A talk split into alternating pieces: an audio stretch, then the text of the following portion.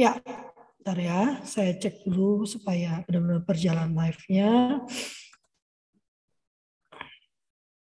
Oke, ya kita mulai ya. Selamat pagi. Uh, sudah direkod? Oke.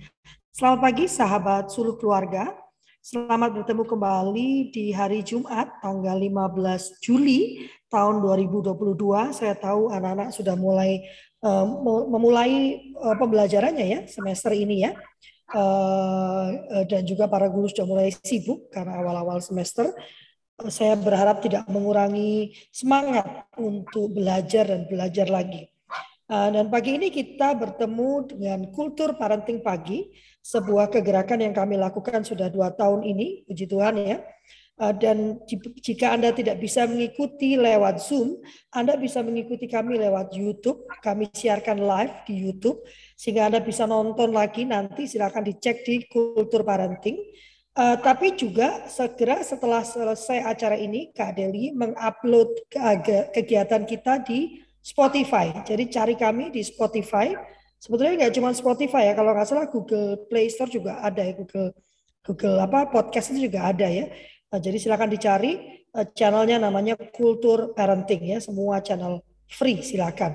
Apabila Anda ingin uh, mendukung kegerakan kami, silakan bergabung dengan menjadi anggota hanya dengan 150 ribu per tahun, Anda mendapatkan 12 kali 12 uh, acara parenting Walaupun Anda tidak menjadi anggota pun acara ini berjalan ya dan Anda dipersilahkan untuk bergabung. Namun kelebihannya Anda apabila Anda ikut 8 kali tidak berturut-turut yang penting ada 8 absen eh, minimum, maka Anda berhak mendapatkan sertifikat bulanan ya yang akan kami keluarkan di tiap akhir bulan di tiap awal bulan, sorry, di tiap awal bulan berikutnya. Ah, dan juga Anda mendapatkan diskon 20% untuk semua pelatihan yang kami lakukan ataupun kami dukung ya. Yang terbaru kemarin pelatihan uh, oleh Dr. Amir Zudi ya, uh, neuroparenting uh, basis basic basic ya. Kami berhasil melobi beliau untuk memberikan diskon 20% bagi anggota kultur uh, anggota suluh keluarga. Dalam waktu dekat kami akan melaksanakan pelatihan uh, coaching uh, untuk orang tua dan guru ya. Uh, dan memang kalau di latihan di tempat kami itu selalu berundak ya ber, uh, ada tahapannya gitu supaya teman-teman benar-benar bisa memahami dan benar-benar bisa mempraktekkan ya. Mari silakan bergabung. Nanti sebentar lagi Kak Deli akan membagikan link untuk menjadi anggota. Anda juga dimohon untuk mengisi absen nanti dan menuliskan topik yang Anda rindukan ya. Dengan demikian itu akan mempermudah pekerjaan saya. Saya tinggal menentukan siapa teman saya yang akan berbicara terkait topik tersebut. Nah, pagi ini eh, kita akan berbicara tentang topik yang menarik menurut saya karena uh, inklusi memang terkait erat dengan pemenuhan hak anak ya. Uh, kemarin tuh ada yang melakukan webinar Judulnya uh, bolehkah sekolah menolak anak? Ya jelas tidak boleh. Tetapi orang tua uh, harus bijak dalam memilih sekolah tersebut gitu ya. Sekolah memang tidak boleh menolak, tetapi apabila kita sebagai orang tua menempatkan anak di ruang yang kurang tepat gitu ya Kak Ane ya, ya kan dengan dalil kan Anda tidak boleh nolak, tapi Anda tahu sekolah itu sebetulnya tidak siap menerima anak Anda dalam artian tidak siap itu kemampuan gurunya, ke, ke, kesiapan sarana prasaranya, sarana prasarananya, maka sebetulnya Anda pun sedang melakukan pelanggaran hak anak ya. Jadi memang dua pihak harus uh, ber, ber, bergerak dan berpikir untuk kepentingan terbaik bagi anak. Nah pagi ini Kak Ane akan menyampaikan karena saya sempat ngobrol dengan beliau sebelum saya meminta beliau bicara ini ya uh, tentang to, uh, ide beliau apa itu inklusi sebetulnya. Sekolah inklusi itu apa gitu ya. sangat menarik idenya. Mari kita dengarkan. Silakan Kak Ana. Terima kasih Kak Lovely.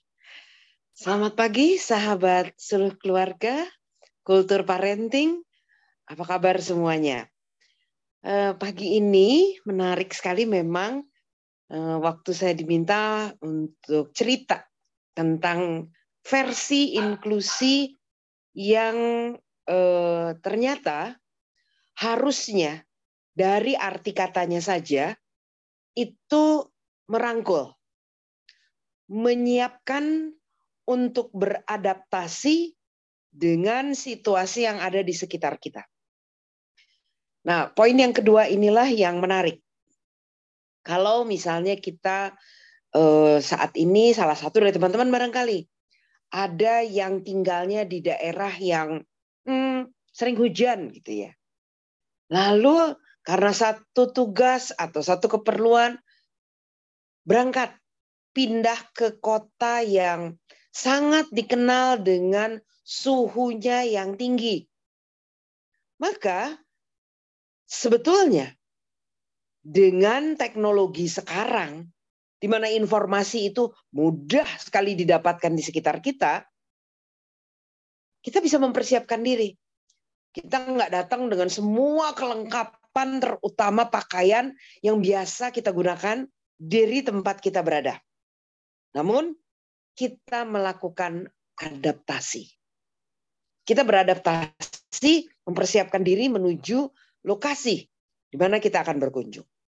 Itu jika kita pergi ke sana atas keputusan kita sendiri, atas keinginan kita sendiri, maka repotlah kita siap-siapnya. Ya. Kondisi ini bisa sedikit berbeda pada waktu kita diundang. Jadi saat diundang entah menjadi peran apa pun itu ya maka ada keterlibatan antara pihak pengundang dan kita yang akan berangkat, di mana pihak pengundang akan mengupayakan selain menginformasikan situasi yang akan kita hadapi atau menjawab pertanyaan-pertanyaan kita atas situasi yang akan terjadi, mereka juga berpotensi melakukan persiapan untuk beradaptasi. Beradaptasi bukan hanya menyediakan untuk kita yang datang, tapi beradaptasi juga untuk semua yang akan menerima. Nah, kelengkapan dari dua situasi inilah yang disebut dengan inklusi. Nah, rekan-rekan, kesepakatan akan menghasilkan proses inklusif yang optimal. Kesepakatan. Karena bagi kita semua manusia di dunia ini, sebetulnya nggak ada suasana atau situasi yang totally perfect. Itu nggak ada. Tempat yang kita rasa, rasa, bukan terukur perfect ya, tapi kita rasa perfect adalah tempat di mana kita sudah mencapai comfort zone. Nah, kondisi itu ya belum tentu sebetulnya tepat loh. Saya ngambil contoh yang lebih konkret ya. Um, saya merasa punggung saya ini gampang sakit, ya. Um, kalau posisi dari tulang belulang. Yang ada nih di punggung ya. Tulang, tulang, tulang. Kan kita tulang punggung kita tuh seperti stacking gitu ya, balok gitu, disusun, susun, susun, susun, dan dia ada ada lekuk, eh, tonjol gitu, yang saling mengunci. Jika kita berada pada posisi di mana tulang punggungnya kita itu lengkungan atau kurvanya enggak berada pada lengkung atau kurva sesuai dengan kelenturan otot-otot yang mengikat antar tulang, maka akan terjadi satu atau dua posisi si otot yang megangin tulangnya kita itu kerjanya berlebih. Nah akibatnya muncul tuh mulai dari yang paling sederhana ya pegel. Habis itu di luar pegel kita bisa mulai merasakan kram, tegang spasem. Ya. Sampai akhirnya si otot yang menegang ini ngajak tetangganya yang lain. Otot aja ngajak arisan ya. Dia ajakin tetangganya yang lain-lain sehingga akhirnya mulai ada area tubuh kita yang merasa tidak nyaman. Nah, teman-teman, Ada banyak orang yang bilang paling enak tidur tuh di rumah, kata dia gitu. Di kasur sendiri. Iya. Sadar atau tidak, kita sudah beradaptasi dengan kasur kita.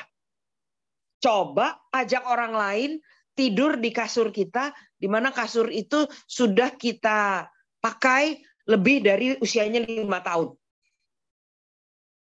Belum tentu orang itu bilang kasur kita nyaman. Buat dia lekukannya nggak pas tuh. Posisi pinggulnya, posisi bahunya, ada aja nanti yang dia omongin. Tidur di tempat itu lebih dari tiga hari, justru akan bangun dengan letih. Karena perubahan pada posisi tulang dan ototnya. Berarti, berarti kasur kita belum tentu inklusif buat orang lain tidak teradaptasi. Dia pasnya buat kita. Jadi sebetulnya nggak ada yang sangat perfect. Tapi kesepakatan itulah yang akan menghasilkan suasana yang optimal. Itu inklusif. Nah sekarang bagaimana dengan sekolah? Rekan-rekan, selama ini jika sekolah adalah tempat untuk memberikan informasi, persis seperti situasi yang sekarang Anda dan saya sedang terjadi. Saya bertugas kasih informasi. Maka Anda akan diperlakukan secara homogen. Saya agak nggak peduli kan mau Anda itu setuju atau nggak setuju, Anda tuh sebetulnya siap atau nggak siap. Apalagi dengan situasi di Zoom sekarang banyak yang off cam. Karena sinyal itu horor banget ya akhir-akhir ini. Begitu buka video, wah kita kepental-pental deh dari Zoom. Sering begitu bukan? Nah rekan-rekan, dengan kondisi seperti ini, ini nggak inklusif nih. Ini tidak pasti mengakomodir bagaimana kebutuhan Anda. Anda berada pada posisi menerima. Saya memberi. Titik. Udah begitu aja. Nah, itulah dunia pendidikan di periode teknologi industri atau teknologi perkembangan yang kalau diberi kode 3.0 ke belakang. Satu, dua, dan tiga gitu ya. Atau kalau kita mau bicara society sebagai hasil dari perkembangan teknologi, itu dibutuhkan atau itu sesuai sampai dengan society di sekitar 4 awal 4 titik nol. Kenapa bisa begitu? Karena pola kehidupan, lifestyle itu rata-rata member, rata-rata mirip. Bangun pagi sarapan. Bangun pagi gosok gigi, mandi, Indonesia. Terjadi sama dengan di Amerika? Belum tentu. Amerika kalau udah lagi musim dingin-dingin ya, belum tentu.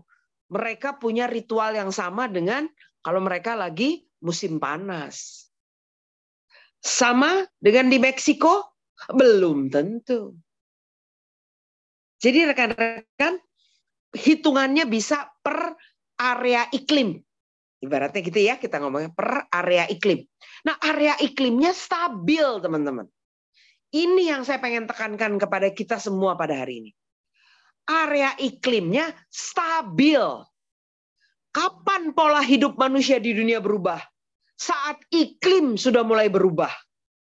Jadi pada saat banyak orang mulai ribut dengan perubahan iklim, di saat itulah tanpa disadari terjadi perubahan lifestyle yang signifikan.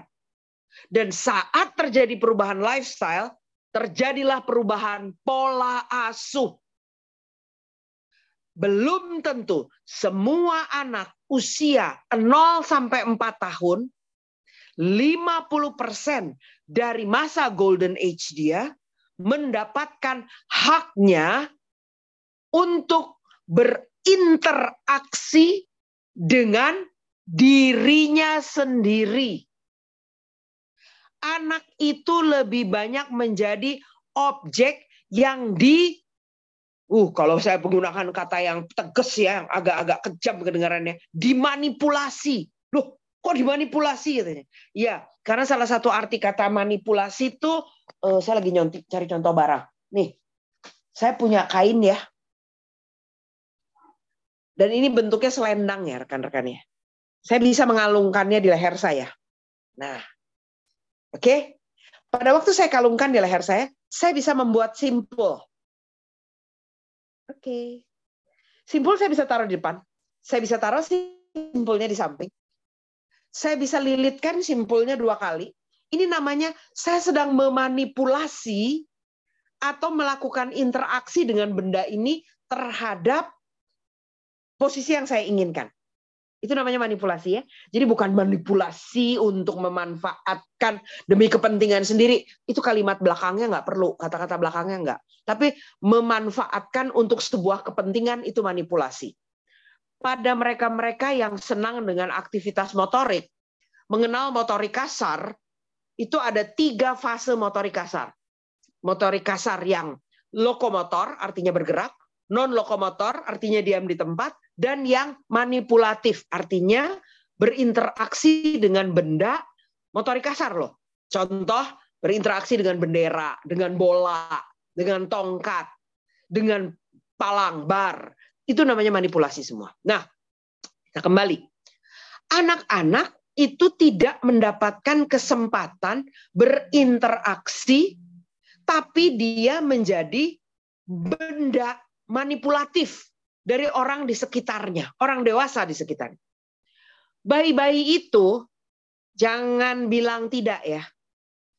Ini masalahnya tinggal statistik menjumlah aja. Ada yang sudah pernah menghitung berapa keluarga yang punya foto bayi di mana bayi yang baru lahir beberapa hari itu udah difoto dibentuk seperti kepompong, lebah, Hah? dimasukkan keranjang, seperti dipegang sama tangan. Bayi, bayi, bayi hitungannya minggu. Anda udah pernah menghitung satu bayi yang sama muncul di media sosial berapa kali dalam satu periode tertentu. Luar biasa. Dan apakah mereka tampil natural? Enggak. Enggak. Tampilnya itu dimanipulatif diarahkan. Jadi anak kehilangan hak dan kesempatan berinteraksi dengan dirinya sendiri. Padahal bayi-bayi itu, bayi-bayi itu minimal udah yang paling minimal di atas segala-galanya. Dia wajib berinteraksi dengan gravitasi bumi untuk berguling-guling. Udah itu deh kunci paling gede. Mana sempat? Bangun tidur udah digendong. Habis itu ditaruh di stroller. Ya, katanya bayinya mau dijemur. Padahal padahal mau dibawa jalan-jalan dan orang tuanya dengan sejuta alasan yang pegel lah, yang oh baru melahirkan lah, ya apa ada aja lah alasannya. Akibatnya itu bayi-bayi ditaruh di tempat yang mereka menjadi statis pasif, tapi dibilang udah dibawa jalan-jalan untuk berjemur. Dibawa ke mall, anak usia sudah bisa berinteraksi dengan dunia sekitar dia. Sekarang udah ada kursi dorong anak. Ya, luar biasa. Anak zaman sekarang pilihannya dua untuk posturnya. Kalau nggak lembek ototnya, tebal dan lembek, ya nggak ada tuh fleksibilitasnya yang menunjukkan kekenyalan otot yang ideal, nggak atau tipis-pis sehingga kelihatannya kulit bungkus balung. Anak-anak mengalami hal ini. Jadi kalau dulu orang mengatakan inklusif adalah untuk anak dengan perbedaan signifikan masuk dalam sebuah komunitas seusia, Kemudian dia dengan perbedaannya itu harus berinteraksi dan teman-temannya mesti memahami profil dia.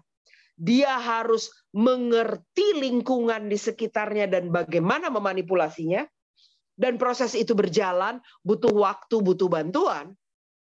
Sehingga inklusif dulu itu dianggap penting untuk sekolah yang menerima anak berkebutuhan khusus permanen. Saya tidak lagi sepaham dengan itu. Apalagi pada usia 3-4 tahun. Pada kelompok di lembaga yang disebut dengan playgroup. Ya, playgroup sekarang secara legal itu empat tahun masuknya. Boleh tiga tahun. Jadi PGA, PGB. Habis itu dia akan masuk eh, TKA, TKB gitu ya. Nah rekan-rekan, masuk ke sana itu adalah suasana inklusif general. Semua anak punya kebutuhan dan kebutuhannya sangat-sangat spesifik. Karena setiap anak datang dari keluarga dengan kondisi yang beda-beda. Kita nggak bisa lagi bilang, oh budayanya beda Bu Ane. Enggak. Karena budaya pun sudah mix. Budaya aja udah mix. Mixnya bukan lagi antar pulau, tapi antar negara. Berapa banyak sudah terjadi pernikahan antar negara yang bahkan yang bahkan perkenalannya lewat Facebook gitu. Ya. Pola asuhnya pola asuhnya beda. Teman-teman, waktu kita masuk di zaman di mana ngeliat barang tetangga Eh, udah punya TV. Saya di rumah masih radio. Ingat nggak tuh di tahun berapa cerita seperti itu terjadi? Tahun 60-70 ya. 1960 ke 70. Tadinya radio semua. Mulai punya TV. Lalu, eh TV-nya udah berwarna. Masih ingat dengan cerita-cerita seperti itu? Cerita kecemburuan sosial antar tetangga gitu. Yang membandingkan bendanya teman-teman harusnya harusnya menerima teknologi itu bagian dari tren.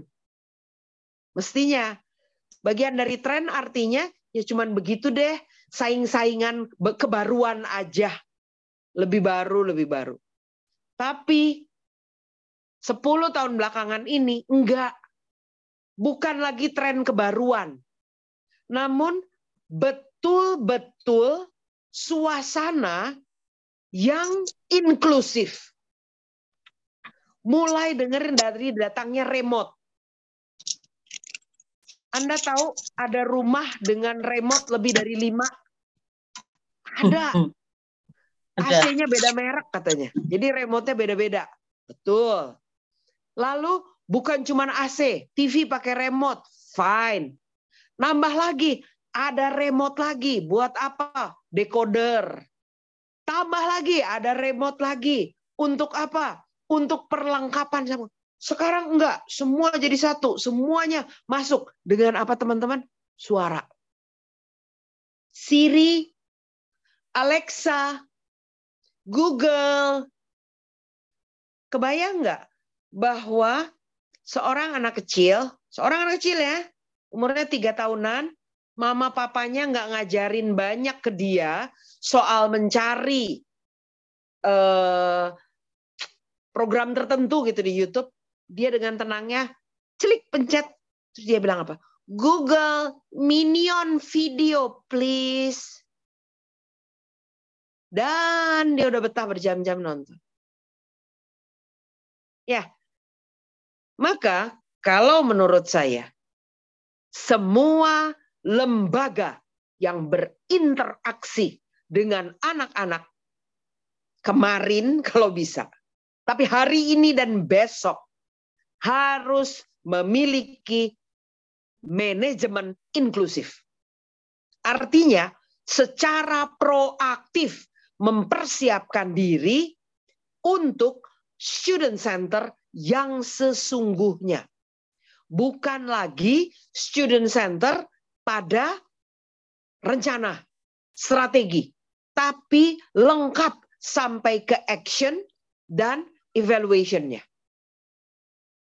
Banyak sekali, banyak sekali orang yang langsung komen sehingga walaupun sebagian besar kita yang ada di Zoom room ini belum diskusi, di kepala sudah terbertik ampun, repot ya. Tahu kenapa itu jadinya terkesan repot?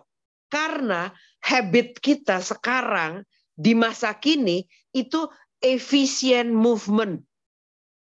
Bergerak sesedikit mungkin. Padahal dunia anak dengan kebutuhan kerja otak dia untuk siap memiliki fungsi eksekutif yang tangguh, nggak ada excuse pengurangan terhadap kebutuhan interaksi fisik. Nggak ada. Tapi manusia dewasanya, manusia dewasanya minta efisien movement.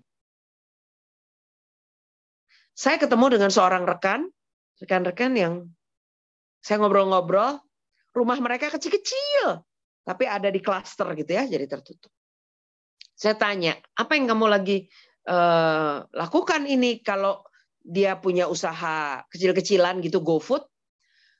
Kemudian hmm, kapan dong kalau kamu lagi anakmu lagi main gitu terus kamu di mana? Oh enggak, katanya kan dia kalau kerja pintu rumah terbuka, dia pakai ram, Eh, jendela juga terbuka, dia di dalam, dia bisa dengar katanya di luar anaknya. Anaknya tahu umur berapa? Tiga tahun jelang empat tahun. Lalu dia bisa dengar anaknya ngomong sama anak tetangga di sebelahnya. Jangan, jangan, jangan. Nanti ayah nggak tahu saya di mana. Salut nggak? Come on, saya bilang gimana caranya kamu ajarin anak kamu bahwa dia akan concern kalau orang tuanya nggak tahu dia ada di mana.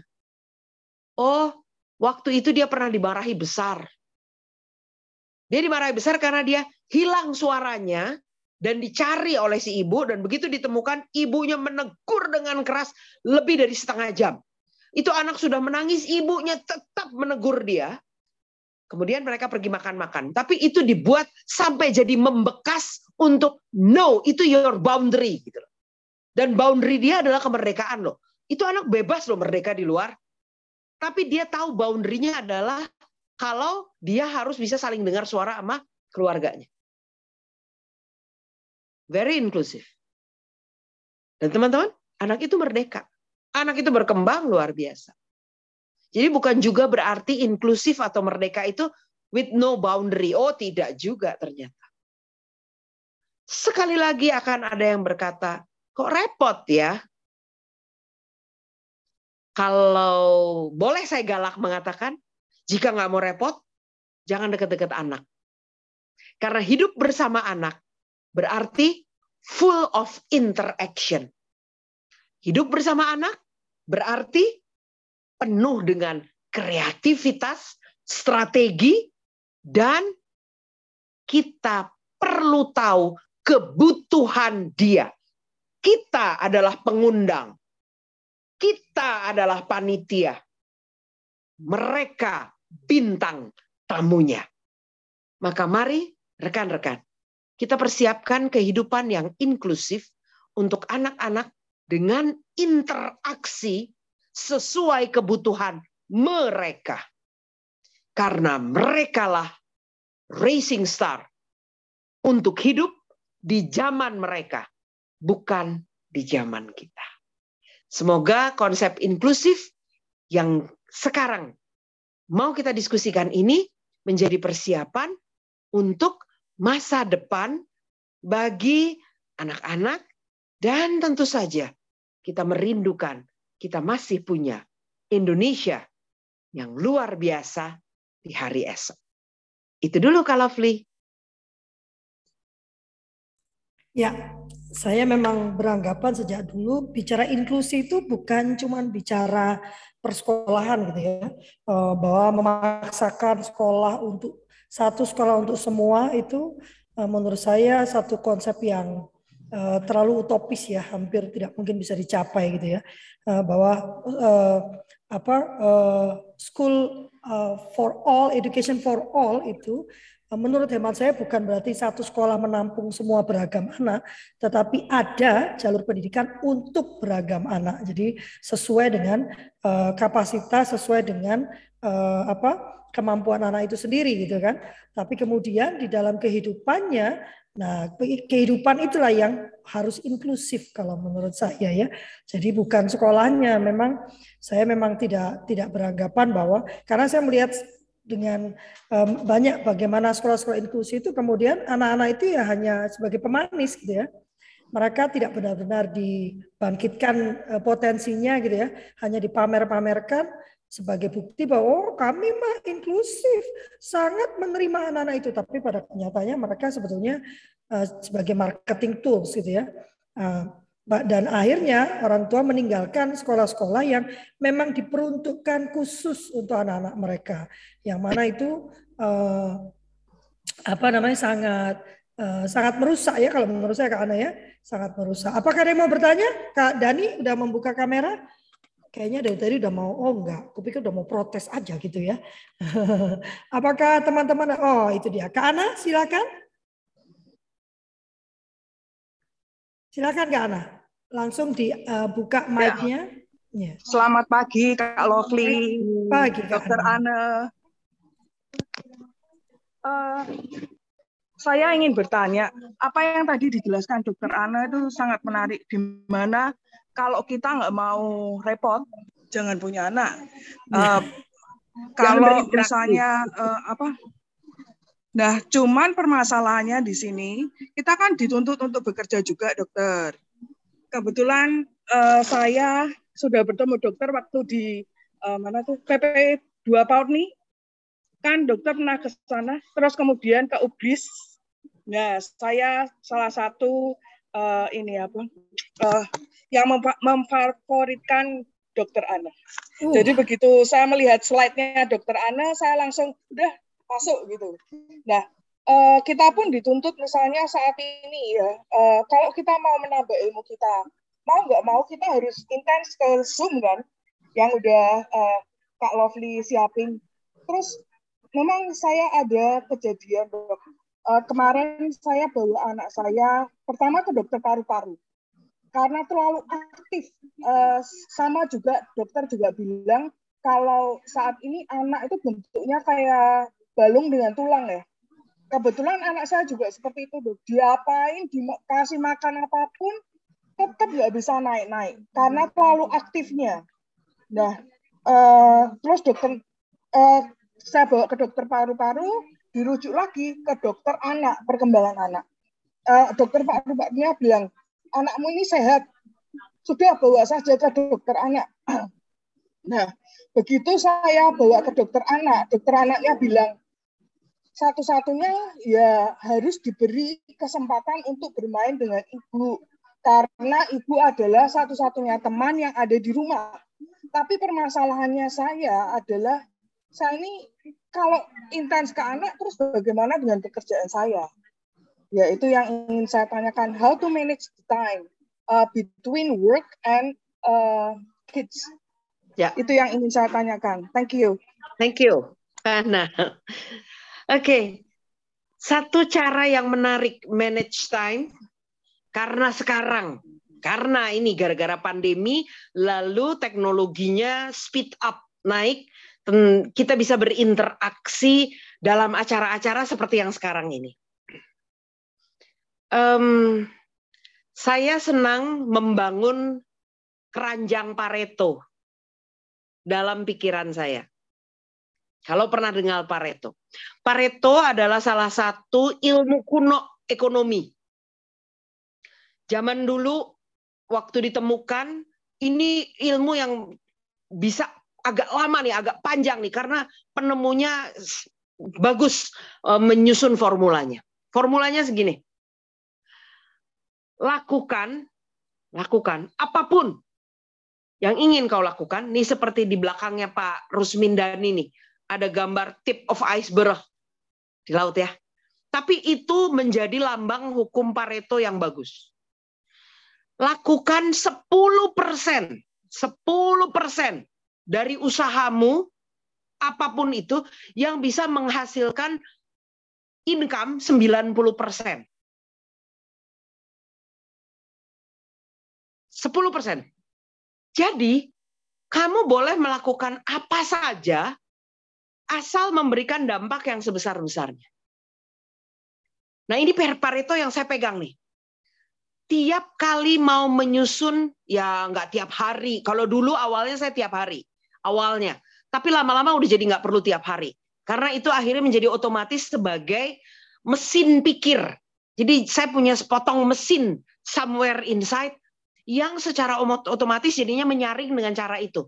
Kalau saya punya 7 8 to-do list yang harus saya lakukan, secara otomatis karena sudah sering dipakai ini si mesin Pareto, akhirnya dia otomatis jalan sendiri. Dari 10 itu mulai saya mengeliminasi pekerjaan mana yang saya kerjakan paling cepat tapi langsung membuang pikiran saya yang paling gede. Atau pekerjaan mana yang bisa disambi banyak tapi bisa ngebuang list saya paling besar jadinya. Dan tersisalah yang minimum consuming time atau maksimum consuming time. Jadi artinya tanpa harus belajar tentang Pareto dan segala ilmu tadi, artinya kita kenal nggak pekerjaan kita? Atau kita hanya melakukan pekerjaan kita? Jika kita ingin punya cukup banyak waktu dengan anak, teknik kedua selain kita kenal pekerjaan kita dan bisa mengelola waktunya dan punya disiplin waktunya, teknik kedua adalah pelibatan pada si anak. Kalau kita sanggup menyusun di mana satu anak itu kita kenal sanggup sanggup beraktivitas fisik dengan ruang gerak besar selama selama 10% dari waktu bangunnya. 10% dari waktu bangunnya. Bangunnya anak tuh berapa lama sih? 24 jam potong 8 sampai 10. Jadi sekitar 14 jam. 10%. Jadi satu jam sampai dua jam saja sebetulnya anak itu lari, loncat, naik, bergul itu tuh satu sampai dua jam dari seluruh waktunya dia. Sisanya, sisanya itu dia perlu menenangkan dirinya, meregulasi dirinya, memiliki body awareness. Jika anak kita tidak memiliki kenyamanan untuk aktivitas non lokomotor berada di satu tempat, kita perlu curiga bahwa dia itu tidak memiliki kecukupan brain body awareness. Dia itu sebetulnya tidak kenal kapan bahunya goyang. Dia itu sebetulnya tidak menyadari movementnya dia. Semua gerakan itu ibarat kita sebagai makhluk hidup. Kita sebagai makhluk hidup itu bergerak untuk mencari makan, mencari kenyamanan posisi, tapi bergerak terus jadinya. Anak pada usia 3-4 tahun berhak berhak merasa nyaman dalam posisi non lokomotor. Caranya satu, apakah anak kita pernah kita pijet? Sehingga dia bisa merasakan ketebalan ototnya dia membedakan tekanan antara sentuhan sama tekanan itu dia tahu nggak bedanya. Atau jangan-jangan baru kita tekan agak dalam sedikit, langsung dia komentarnya apa? Sakit. Nggak mungkin. It's really impossible gitu loh. Tekanan begini aja bisa sakit gitu. Oh bisa bu, eh, anak yang sangat eh, sensitif sekali. Ya tapi tetap aja salah identifikasi. Itu bukan sakit. Terasa. Kalau segini terasa aja udah dia sebut sakit, lah bagaimana lagi kalau ketepok? Kan lebih-lebih lagi parah dong kalau gitu. Itu misalnya ya. Itu satu. Yang kedua, apakah dia mengenal semua persendiannya dia? Kepala kalau miring kanan kiri diputer. Jangan-jangan dia kalau mau lihat nah tuh lihat apa yang ada di belakang kamu. Dia bukan noleh begini. Tapi yang dia lakukan apa? Dengan semua bahu dan badannya dia noleh. Yang berarti tubuhnya pada area persendian besar yang ototnya besar yang itulah dimaksud dengan motorik kasar ternyata tidak berfungsi optimal per sendi. Wah, kalau udah modelnya seperti itu, itu anak memang anak petakilan, anak pecicilan. Poin lain, apakah anak itu punya momen menikmati balance? Apakah dia merasa nyaman dengan kondisi uh, balance terhadap gravitasi bumi? Jadi kalau lagi di ayun-ayun misalnya itu dia merasa nyaman. Akibatnya dia kenal dengan alat vestibular dia tentang pergerakan dan tentang tidak bergerak. Itu semua adalah hak anak yang harus dilalui dalam kematangan otaknya untuk dia kemudian bisa nyaman kita libatkan dengan aktivitas kita. Aktivitas apa saja yang bisa kita libatkan anak supaya dia berinteraksi full dengan pekerjaan orang dewasa. Yang paling penting di atas segala-galanya, kehidupan sehari-hari. Mulai dari bangun urusan sama tempat tidur, sampai ke urusan diri sendiri dengan pakaian, lalu urusan dengan makan dan pembuangan, sampai ke tidur lagi. Kenapa kita bilang kita yang menyelesaikan urusan tempat tidur anak? Biarin aja dia yang menyelesaikan persoalan itu. Apalagi jika anak itu sudah di atas usia 4 tahun. Waduh Bu Ana, bantalnya gede. Lah berdua ya kalau gitu. Belajar kerja sama lah. Dia anak tunggal, ya sama ibu lah. Artinya tidak karena kita mau cepat, lalu kita yang mengerjakan semuanya. Itu sudah menjadi pendidikan dasar yang membuat anak itu nggak inklusif. Dia dibuat menjadi anak beda, eksklusif jadinya.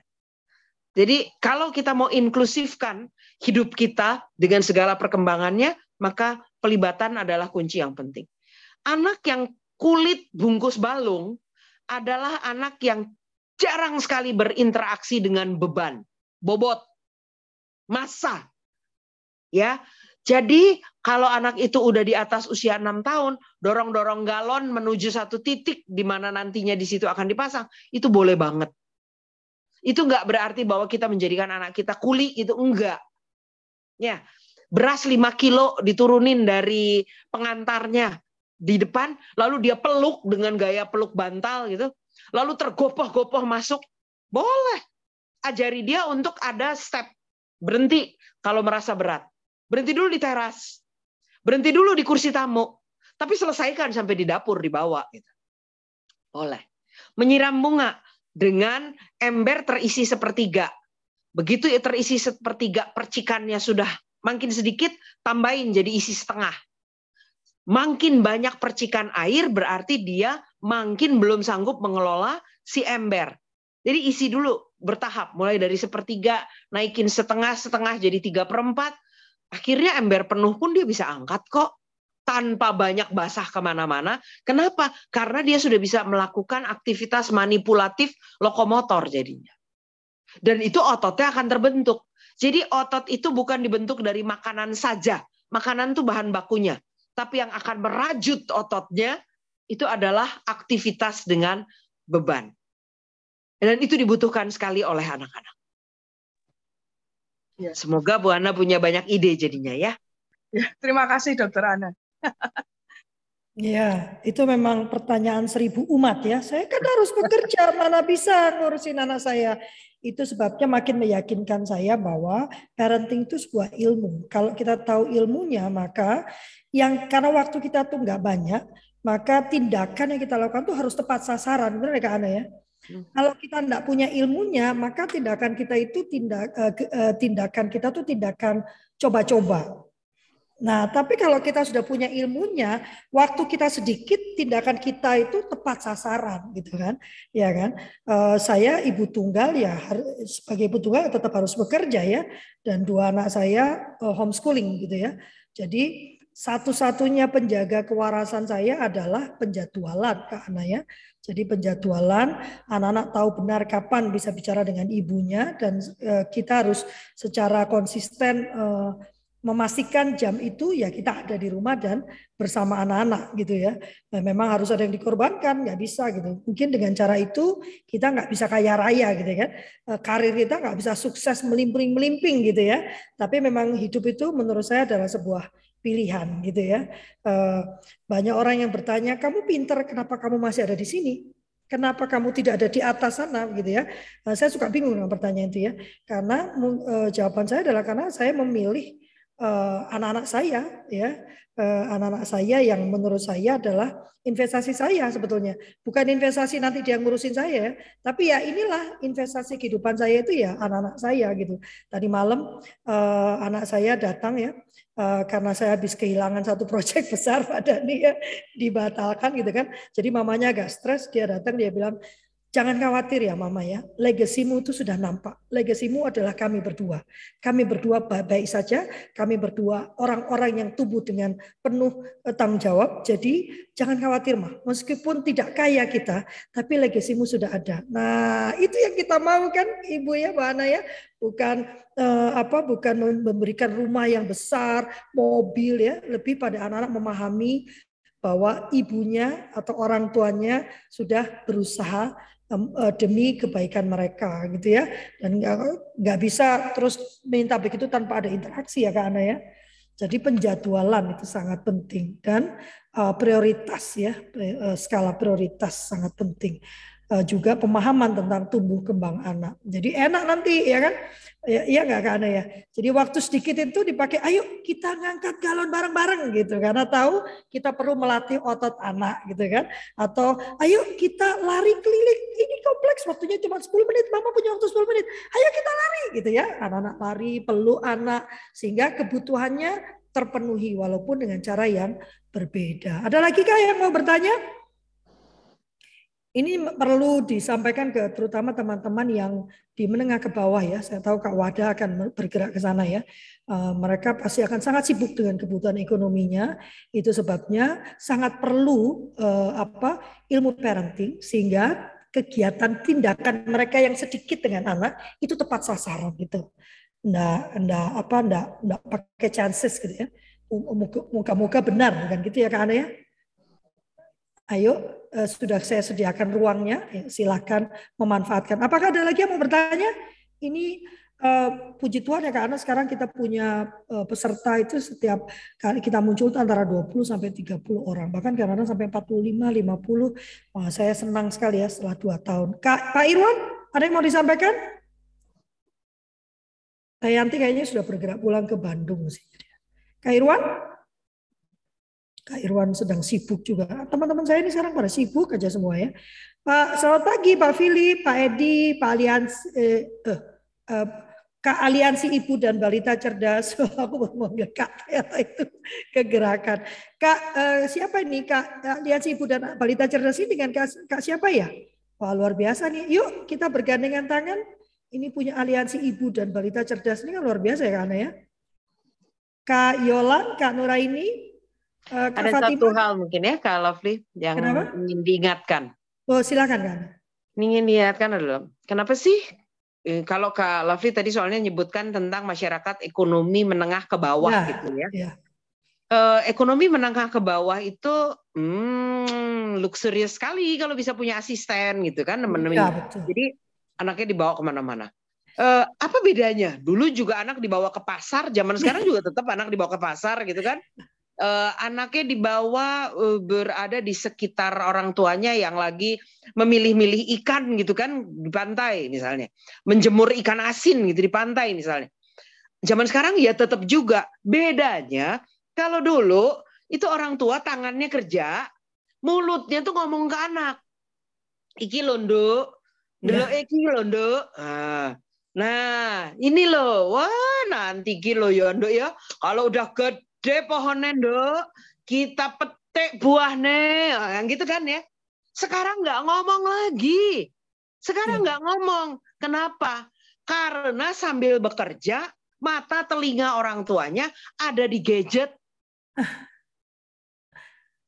Jadi sebetulnya tuh sebet yang ramai dibilang bahwa anak-anak bahaya gadget enggak. Anak tuh mencontoh. Yang rame duluan dengan pergadgetan adalah orang tua. Ya, Ya, dan sebetulnya anak-anak lihat loh.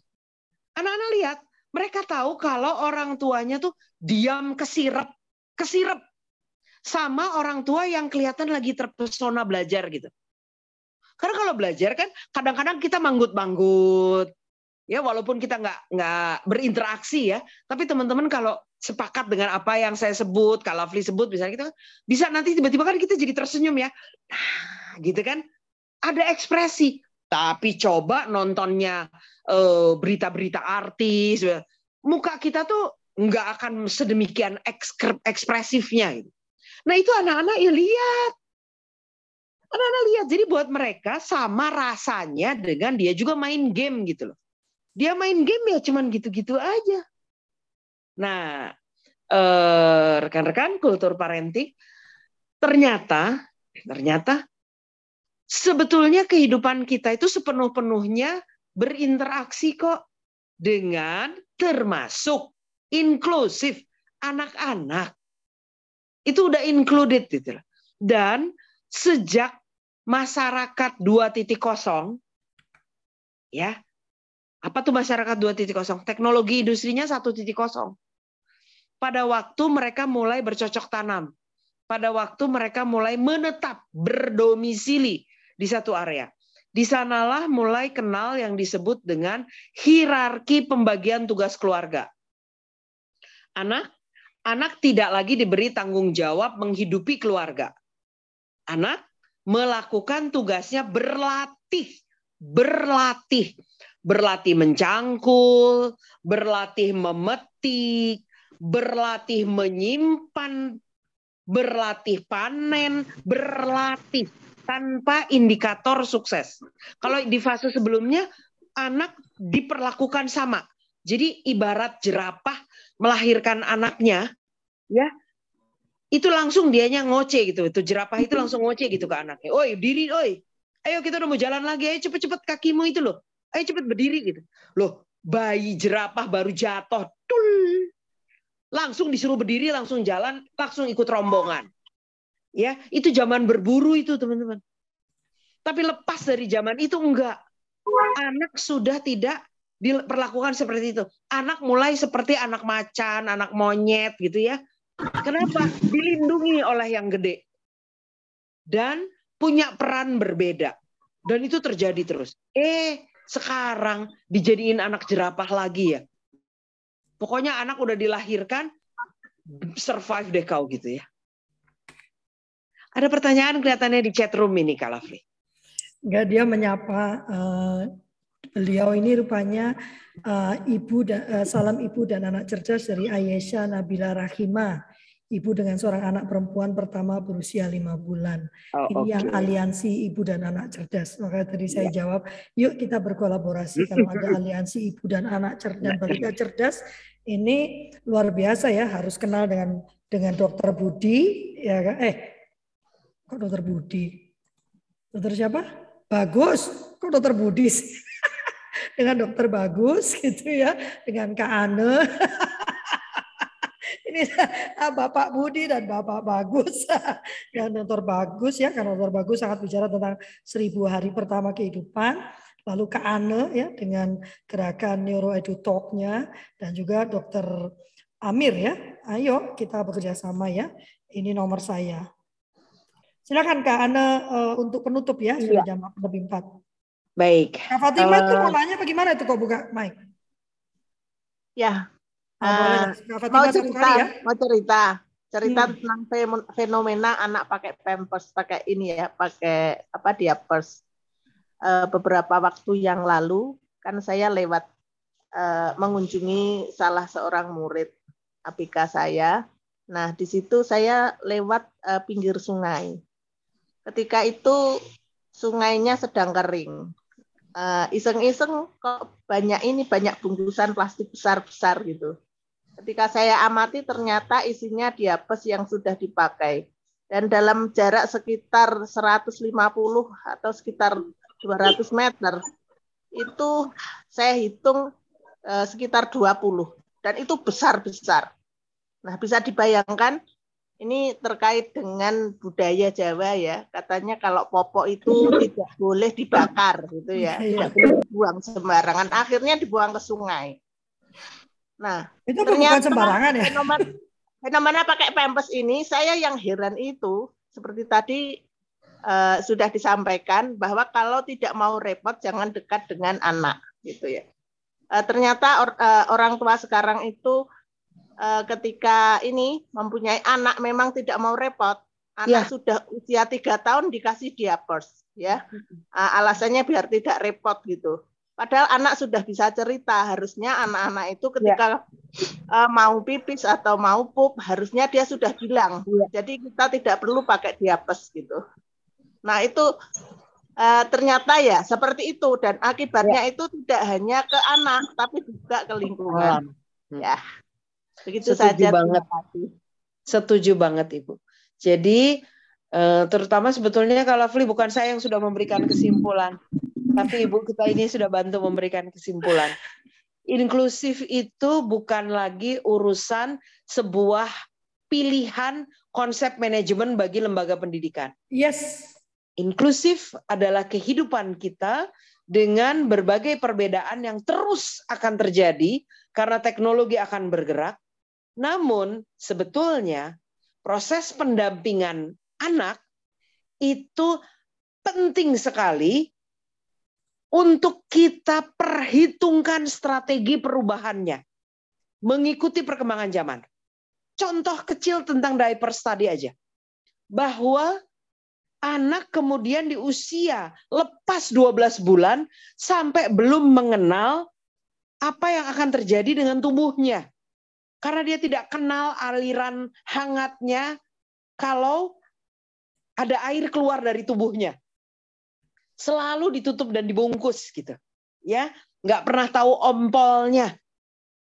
Akibatnya sensitivitas sensorinya jadi berubah.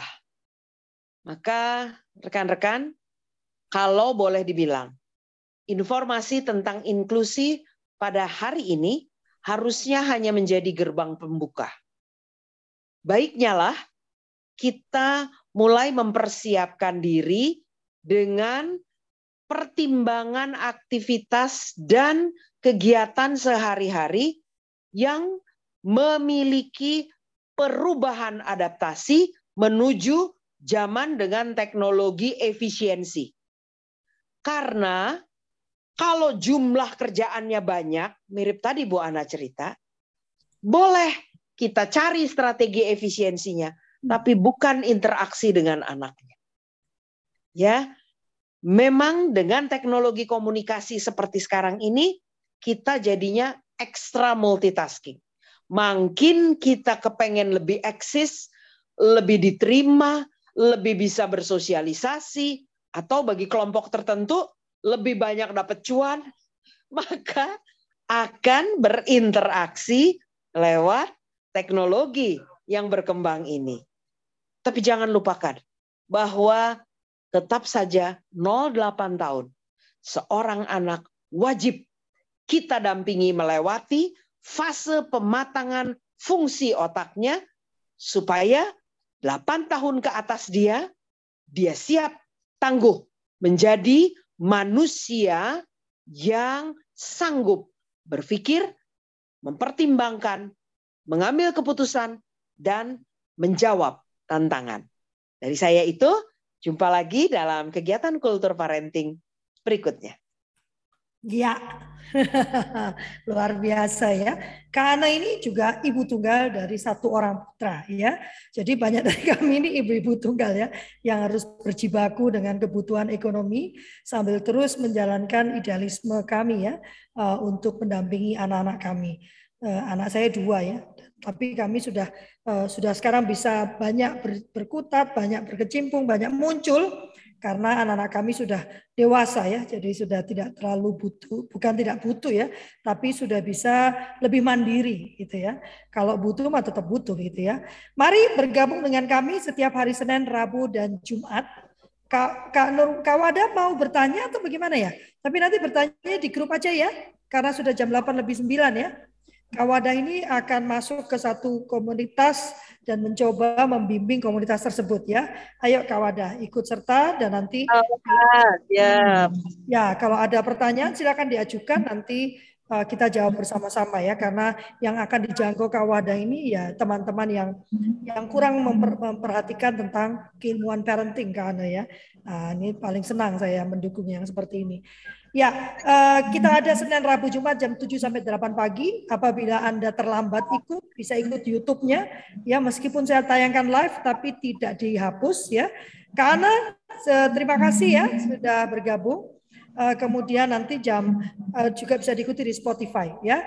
Terima kasih banyak. Yuk kita berfoto dulu. Berikan hatinya sambil saya pamit.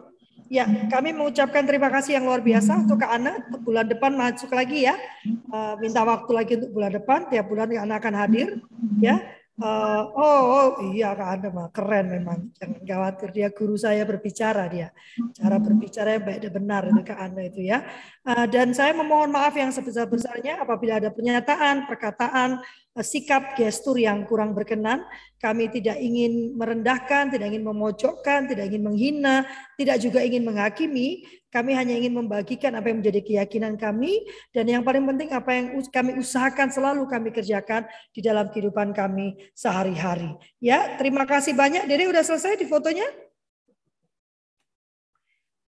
Sudah. Oke, terima kasih banyak. Eh, hari Senin eh, emang mama ya yang terjadwal ya. Kita akan bertemu lagi dari Senin uh, di jam yang sama. Selamat berakhir pekan. Wassalamualaikum warahmatullahi wabarakatuh.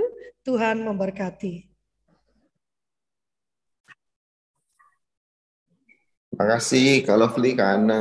Terima kasih Kak Dani. Eh proyek apa Kalau Lovely yang gagal kan? Nantilah itu mah. Siap, siap. saja kalau itu. Oke. Okay. Ya bisa jadi. Bu Sumarti ini telat banget nih udah jam 9. Oke, saya pamit ya.